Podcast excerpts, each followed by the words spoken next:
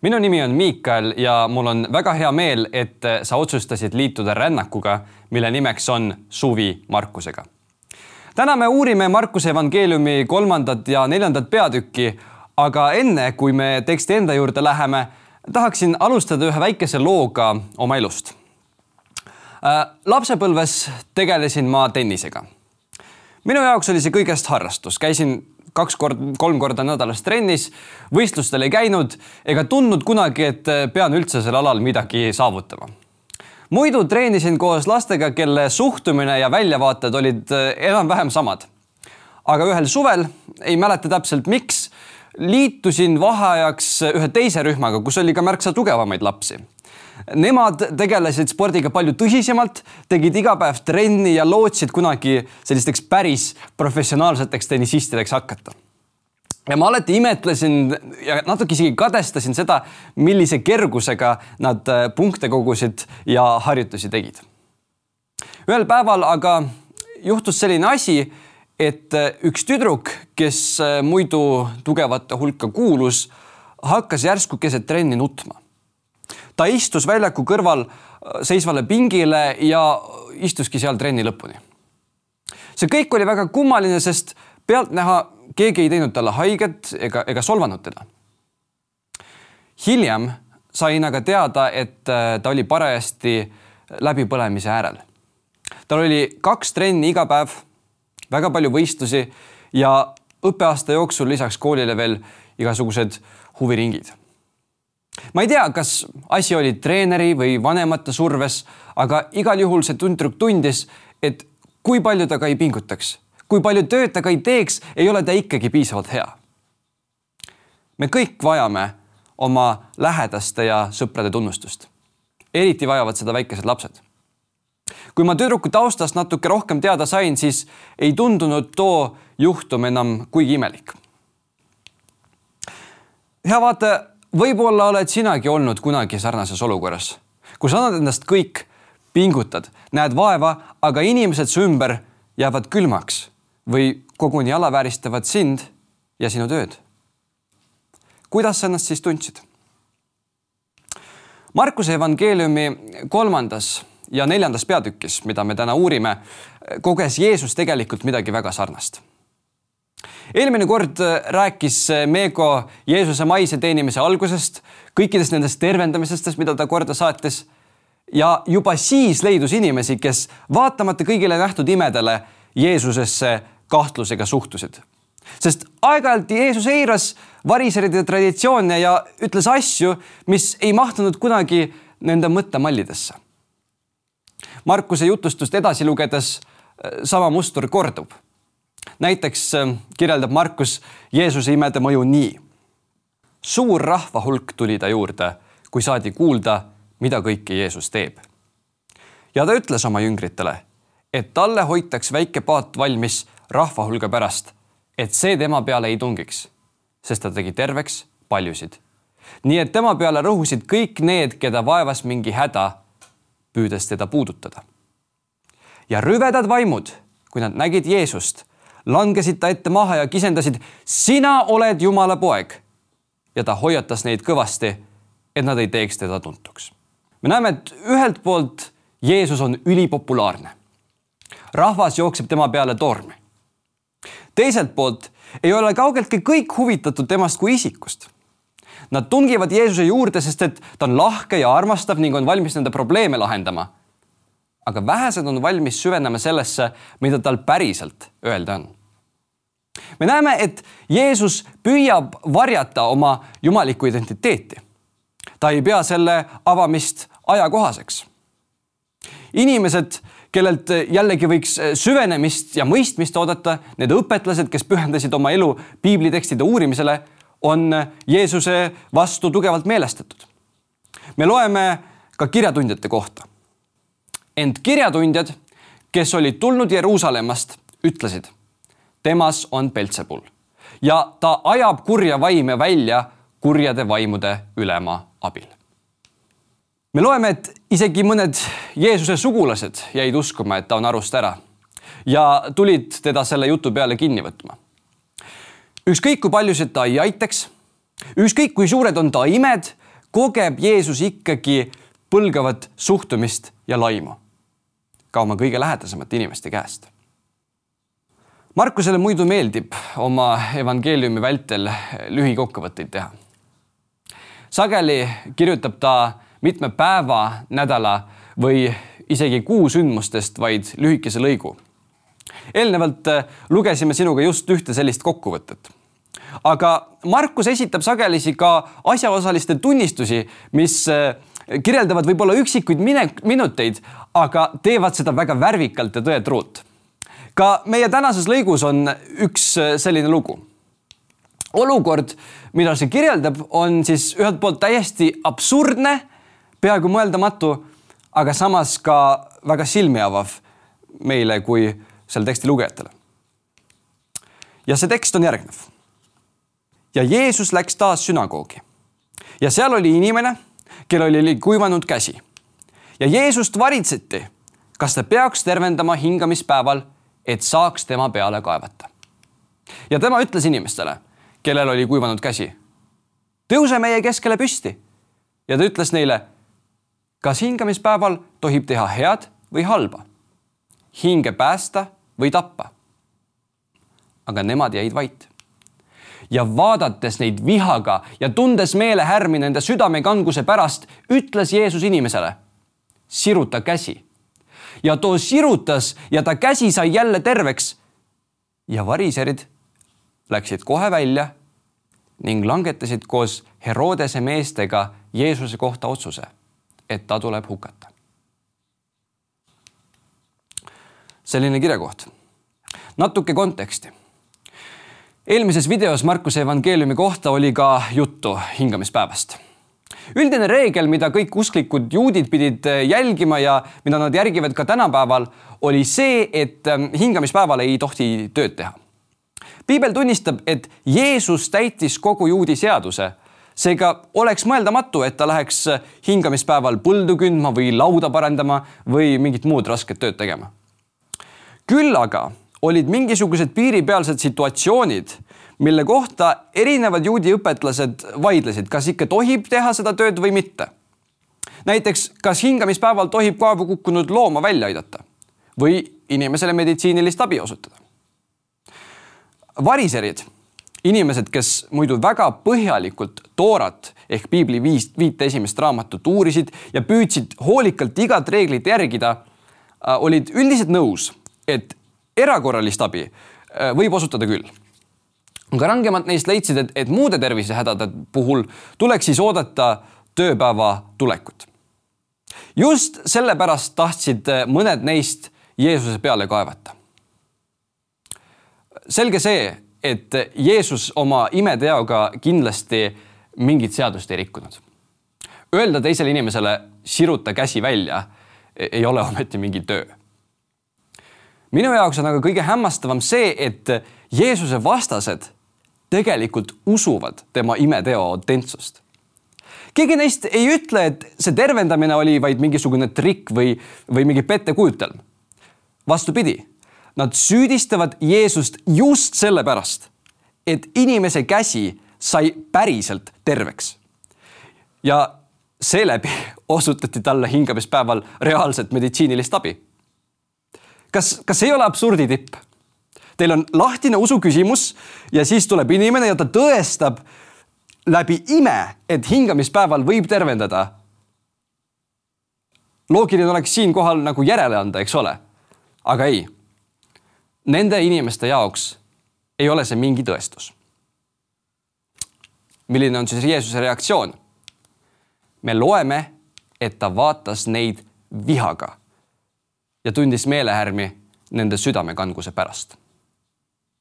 Me oleme harjunud mõtlema Jeesusest kui sellisest malbest, peaaegu emotsioonitust mehest. ent siinkohal näitab ta välja väga tugevaid emotsioone. Jeesuse süda on kibe. ta on vihane ja ta on kurb. aga mille pärast? Sellepärast et inimesed, kes ta ümber seisavad, on nii kinni oma reeglites ja kommetes, nad on nii tardunud oma arusaamades sellest, milline peab olema õige juut ja õige juudi õpetaja. et nad magasid maha suure imeteo. ja selle asemel, et rõõmustada oma vennaga selle üle, et ta käsi on nüüd terve ja ta saab elatist teenida ning täisväärtuslikku elu elada, seisavad nad seal vaiksed nagu kivisein ja mõtlevad vaid sellest, kuidas toimunud PR-katastroofi järel oma autoriteeti taastada. ja need inimesed leidsid lahenduse. me loeme, et variserid läksid välja ning langetasid koos Herodese meestega Jeesuse kohta otsuse, et ta tuleb hukata. taas, kui me korraks ajaloolist tausta piilume, siis avastame, et tegemist oli ootamatu liiduga Herodes oli nimelt Idumea päritolu Juudamaa kuningas, Rooma kaastööline ja variseride silmis kindlasti niisuguse paganliku eluviisi maaletooja. aga noh, ühine vaenlane suudab ka kõige tulisemad vastased omavahel lepitada. mida aga saame meie sellest loost õppida? teate, ma olen enda puhul tähele pannud, et kristlasena kipun piiblit lugedes samastuma just nende heade tegelastega. ma olen alati keegi apostlitest või Ester või Abraham. ja isegi kui ma äh, langen või patustan, olen hullemal juhul see äh, Peetrus või kuningas Taavet, kes juba paari peatüki pärast on jälle Jumalale meelepärase elu juurde naasnud. mitte kunagi ei ole ma enda kujutuses kuri Haamon, Haaman, vabandust, või Herodes või üks variseridest. kuid loetud lugu paneb selle mõtteviisi loogikas tõsiselt kahtlema. vaadake, variseride probleem ei olnud kinni milleski ebatsündsas. vastupidi, nad olid väga korralikud usklikud inimesed, kes hoolisid sügavalt distsipliinist ja seaduse täitmisest. milles oli siis nende patt? kui Jeesus tegi imesid siis nemad seisid vaikselt nagu kivisein. ja teate, kui ma vaatan enda elu ausa pilguga, siis ma mõistan, et ma ei ole tegelikult sealt kuigi kaugel. ma tean, et sageli tahan ignoreerida oma vendi või õdesid, kes mulle mingil põhjusel ei sobi. Nad võivad valesti ülistada või olla oma usuga liiga ekstravertsed või postitada sotsiaalmeediasse midagi, mis mulle ei meeldi ja mul peas on kindel arusaam, millist iseloomu, maneere ja haridust peab omama üks koguduse töötegija. ning kui tema nendele kriteeriumitele ei vasta, siis võib isegi tekkida soov teda vaigistada. aga niisuguste tunnetega tuleb olla väga ettevaatlik. sest nendega kaasneb oht jääda Jeesuse imesid niisuguse hukkamõistva näoga vaatama. Pöördume nüüd tagasi meie piibliloo juurde. me rääkisime juba sellest, et Jeesusesse suhtuti kahel viisil. inimesed kas siis tahtsid temalt midagi või siis nad tahtsid temast lahti saada. mida tegi Jeesus selle olukorra keskel? ta valis välja kaksteist inimest, läks nendega mägedesse ja nimetas nad apostliks ehk läkitatuteks see oli veel üks märk, millega Jeesus kinnitas, et ta on Messias ehk Jumala salvitu, kes päästab kogu inimkonna. kui me loeme teiega Moosese raamatuid, siis näeme, seal on juttu kaheteistkümnest Iisraeli rahva suguharust. Apostlite nime, nimetamine oli seega justkui uue Iisraeli pühitsemine. mägedesse minek pidi aga kinnitama juudist lugejale seda paralleeli Moosesega, sest eh, ka Mooses sai oma tähtsamad ilmutused Jumalalt just Siinai mäel. ent apostlite valikul oli ka praktiline põhjus. me loeme järgnevat.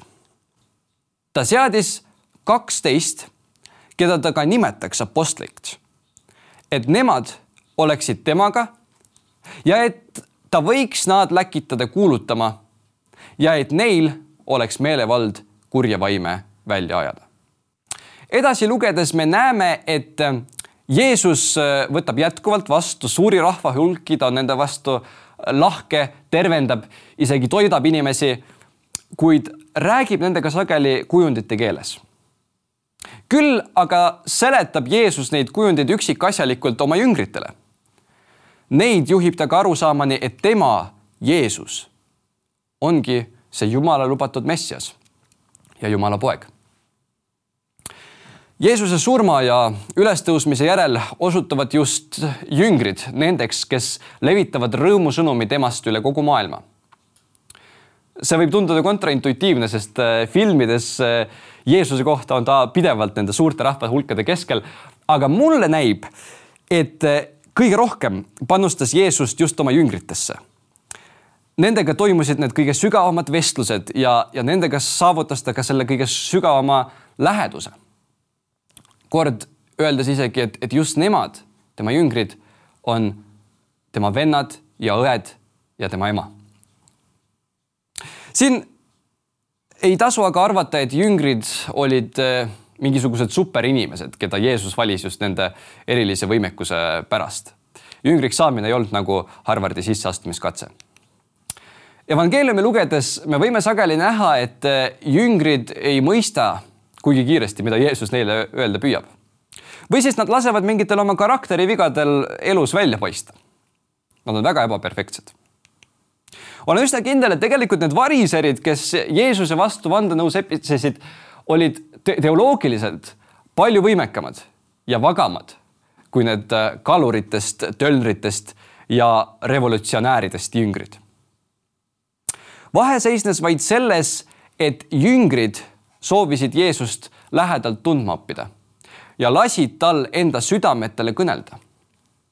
variserid aga tardusid ja jäid teda kõõrdi vaatama. seepärast langesidki variserid sinna aina sügavamasse kurjusesse. jüngrid aga kasvasid inimestena edasi. Nende elusid vaadates me näeme mida enam me Jeesusele läheneme ja temaga lähedast osadust jagame, seda enam saame temast aru ja seda tähenduslikumalt võime tema järgijatena viia ellu missiooni, mida Jeesus kehastas ja edendas. Nüüd sõltumata sellest, kas sa oled olnud aastaid kristlane või kuuled täna Jeesusest esimest korda, mina ja sina seisame iga päev sellesama valiku ees tarduda või siis lasta Jeesusel avada meie mõistus Jumala plaani paremaks tundmaõppiseks. neljandas peatükis, mida me ka täna loeme, toob äh, Jeesus veel mitu tähendamissõda, mis minu arvates haakuvad hästi tema jüngerdamise põhimõtetega. kõigepealt jutustab ta tähendamissõna külvajast, milles nendib, et inimesed äh, võtavad kuulutatavast äh, et inimesed võtavad kuulutatavat sõna väga erineval moel vastu. mõned ei kuule seda, teised on äh, esialgu põnevil, aga siis jätavad raskuste tulekul kogu selle asja untsu. kolmandad aga võtavad kuulutuse vastu ja kannavad palju-palju vilja. Jeesus rõhutab siinjuures, et need seemned, mis langevad heale pinnale, kannavad lausa kolmekümne, kuuekümne või sajakordset vilja kas see ei haaku just sellega, mida me äsja äratasime, äh, arutasime? vähesed inimesed kuulasid Jeesust südamega. et neist vähestest kasvas välja midagi väga suurt. Viimase tähelepanekuga seostub ka üks äh, teine tähendamissõna sinepi ivakesest. millega võiksime võrrelda Jumala riiki? või millise tähendamissõnaga teda kujutaksime? sinepi ivakesega mis on, kui see külvatakse maha, väiksem kõigist seemneist maa peal. ent kui see on külvatud, siis see sirgub ja kasvab suuremaks kõigist taimedest aias ja ajab suured oksad, nii et taevalinnud võivad teha pesa selle varjus. jumala riik on äh, rikka tähendusega mõiste. ja minu tõlgendus ei ole siin kaugeltki ainuvõimalik aga kui ma tänaseks videoks valmistusin, siis äh, kõnetas äh, see mind just nimelt sellest jüngerdamise aspektist. me võime imetleda Jeesuse võimet enda ümber suuri rahvamasse koguda. kindlasti olid ka need massid Jumala plaani seisukohalt olulised ning kohtumine Jeesusega võis pikas plaanis mängida suurt rolli paljude inimeste eludest, kes tollal teda näha soovisid. kuid vaadates evangeeliumite levikut ja kogu järgnevat äh, kristluse ajalugu, ei saa me allahinnata just neid jüngreid, kellega Jeesus igapäevaselt vestles, nalja tegi, palvetas, laulis ja toitu võttis. Kas ei olnud just see pisike lähedaste sõprade kogukond, see sinepivake, mis ootamatult tohutuks puuks välja kasvas? kui mõtleme praegu oma elude peale, vaevalt, et keegi meist suudab siin Saku Suurhalli enda jutlust kuulama ajada. küll aga olen ma kindel, et nii minu kui ka sinu elus on olemas paar inimest, kellest võivad saada samuti Jeesuse jüngrid ja keda meie võime sel teekonnal toetada. või ehk tunned sa ise seda videot vaadates, et pole veel õieti Jeesusega kohtunud, aga sooviksid temaga lähemalt tutvuda. sõltumata sellest, millises eluetapis praegu asud või milliste probleemidega silmitsi seisad, praegu on hea hetk selle jaoks nii mõnelgi jüngril oli keeruline taust. Keerulised suhted Jumalaga ja ümbritsevate inimestega, aga nad lasid sellel väikesel sinepiivakesel oma südamesse kukkuda. alguses nad ei teadnud Jeesusest mitte midagi. kuid ajapikku hakkasid nägema märke sellest, et tegemist on tõepoolest Jumala pojaga ja messiaga, kelle tulekut kõik juudid südamest ootasid. Jeesus muutis nende elusid ning tegi seda nii radikaalselt, et nad ei suutnud seda rõõmu enam enda sees hoida ja kuulutasid tema riiki ka siis, kui nende kuulutus läks neile elu maksma. täna võid sinagi Jeesuse kutsele vastu tulla ja saada osaks sellest imelisest riigist, kus ei valitse mitte võimusuhteid, vaid armastus. kus vaeseid ja hüljatuid tõstetakse kõrgele, kus teist inimest ei vaadata vahendi vaid omaette eesmärgina. kus sõltuvuste ja seotuse asemel on vabadus ja lepitus Jumalaga. täna sa võid olla kindel, et Jumal ootab sind avalikätega. ja ma olen kindel ka, et iga 3D koguduse kogukonna uksed, olgu siis virtuaalselt või füüsiliselt, on sinu jaoks valla nüüd on aga tänane video lõpule jõudmas. ma tänan sind äh, südamest, et äh, võtsid aega seda vaadata. järgmine kord me saame lugeda ja süveneda juba järgmistesse peatükkidesse. praegu aga saame edasi mõtiskleda ja arutada nende küsimuste üle, mida on esile toonud äh, Markuse evangeeliumi kolmas ja neljas peatükk. ole väga hoitud.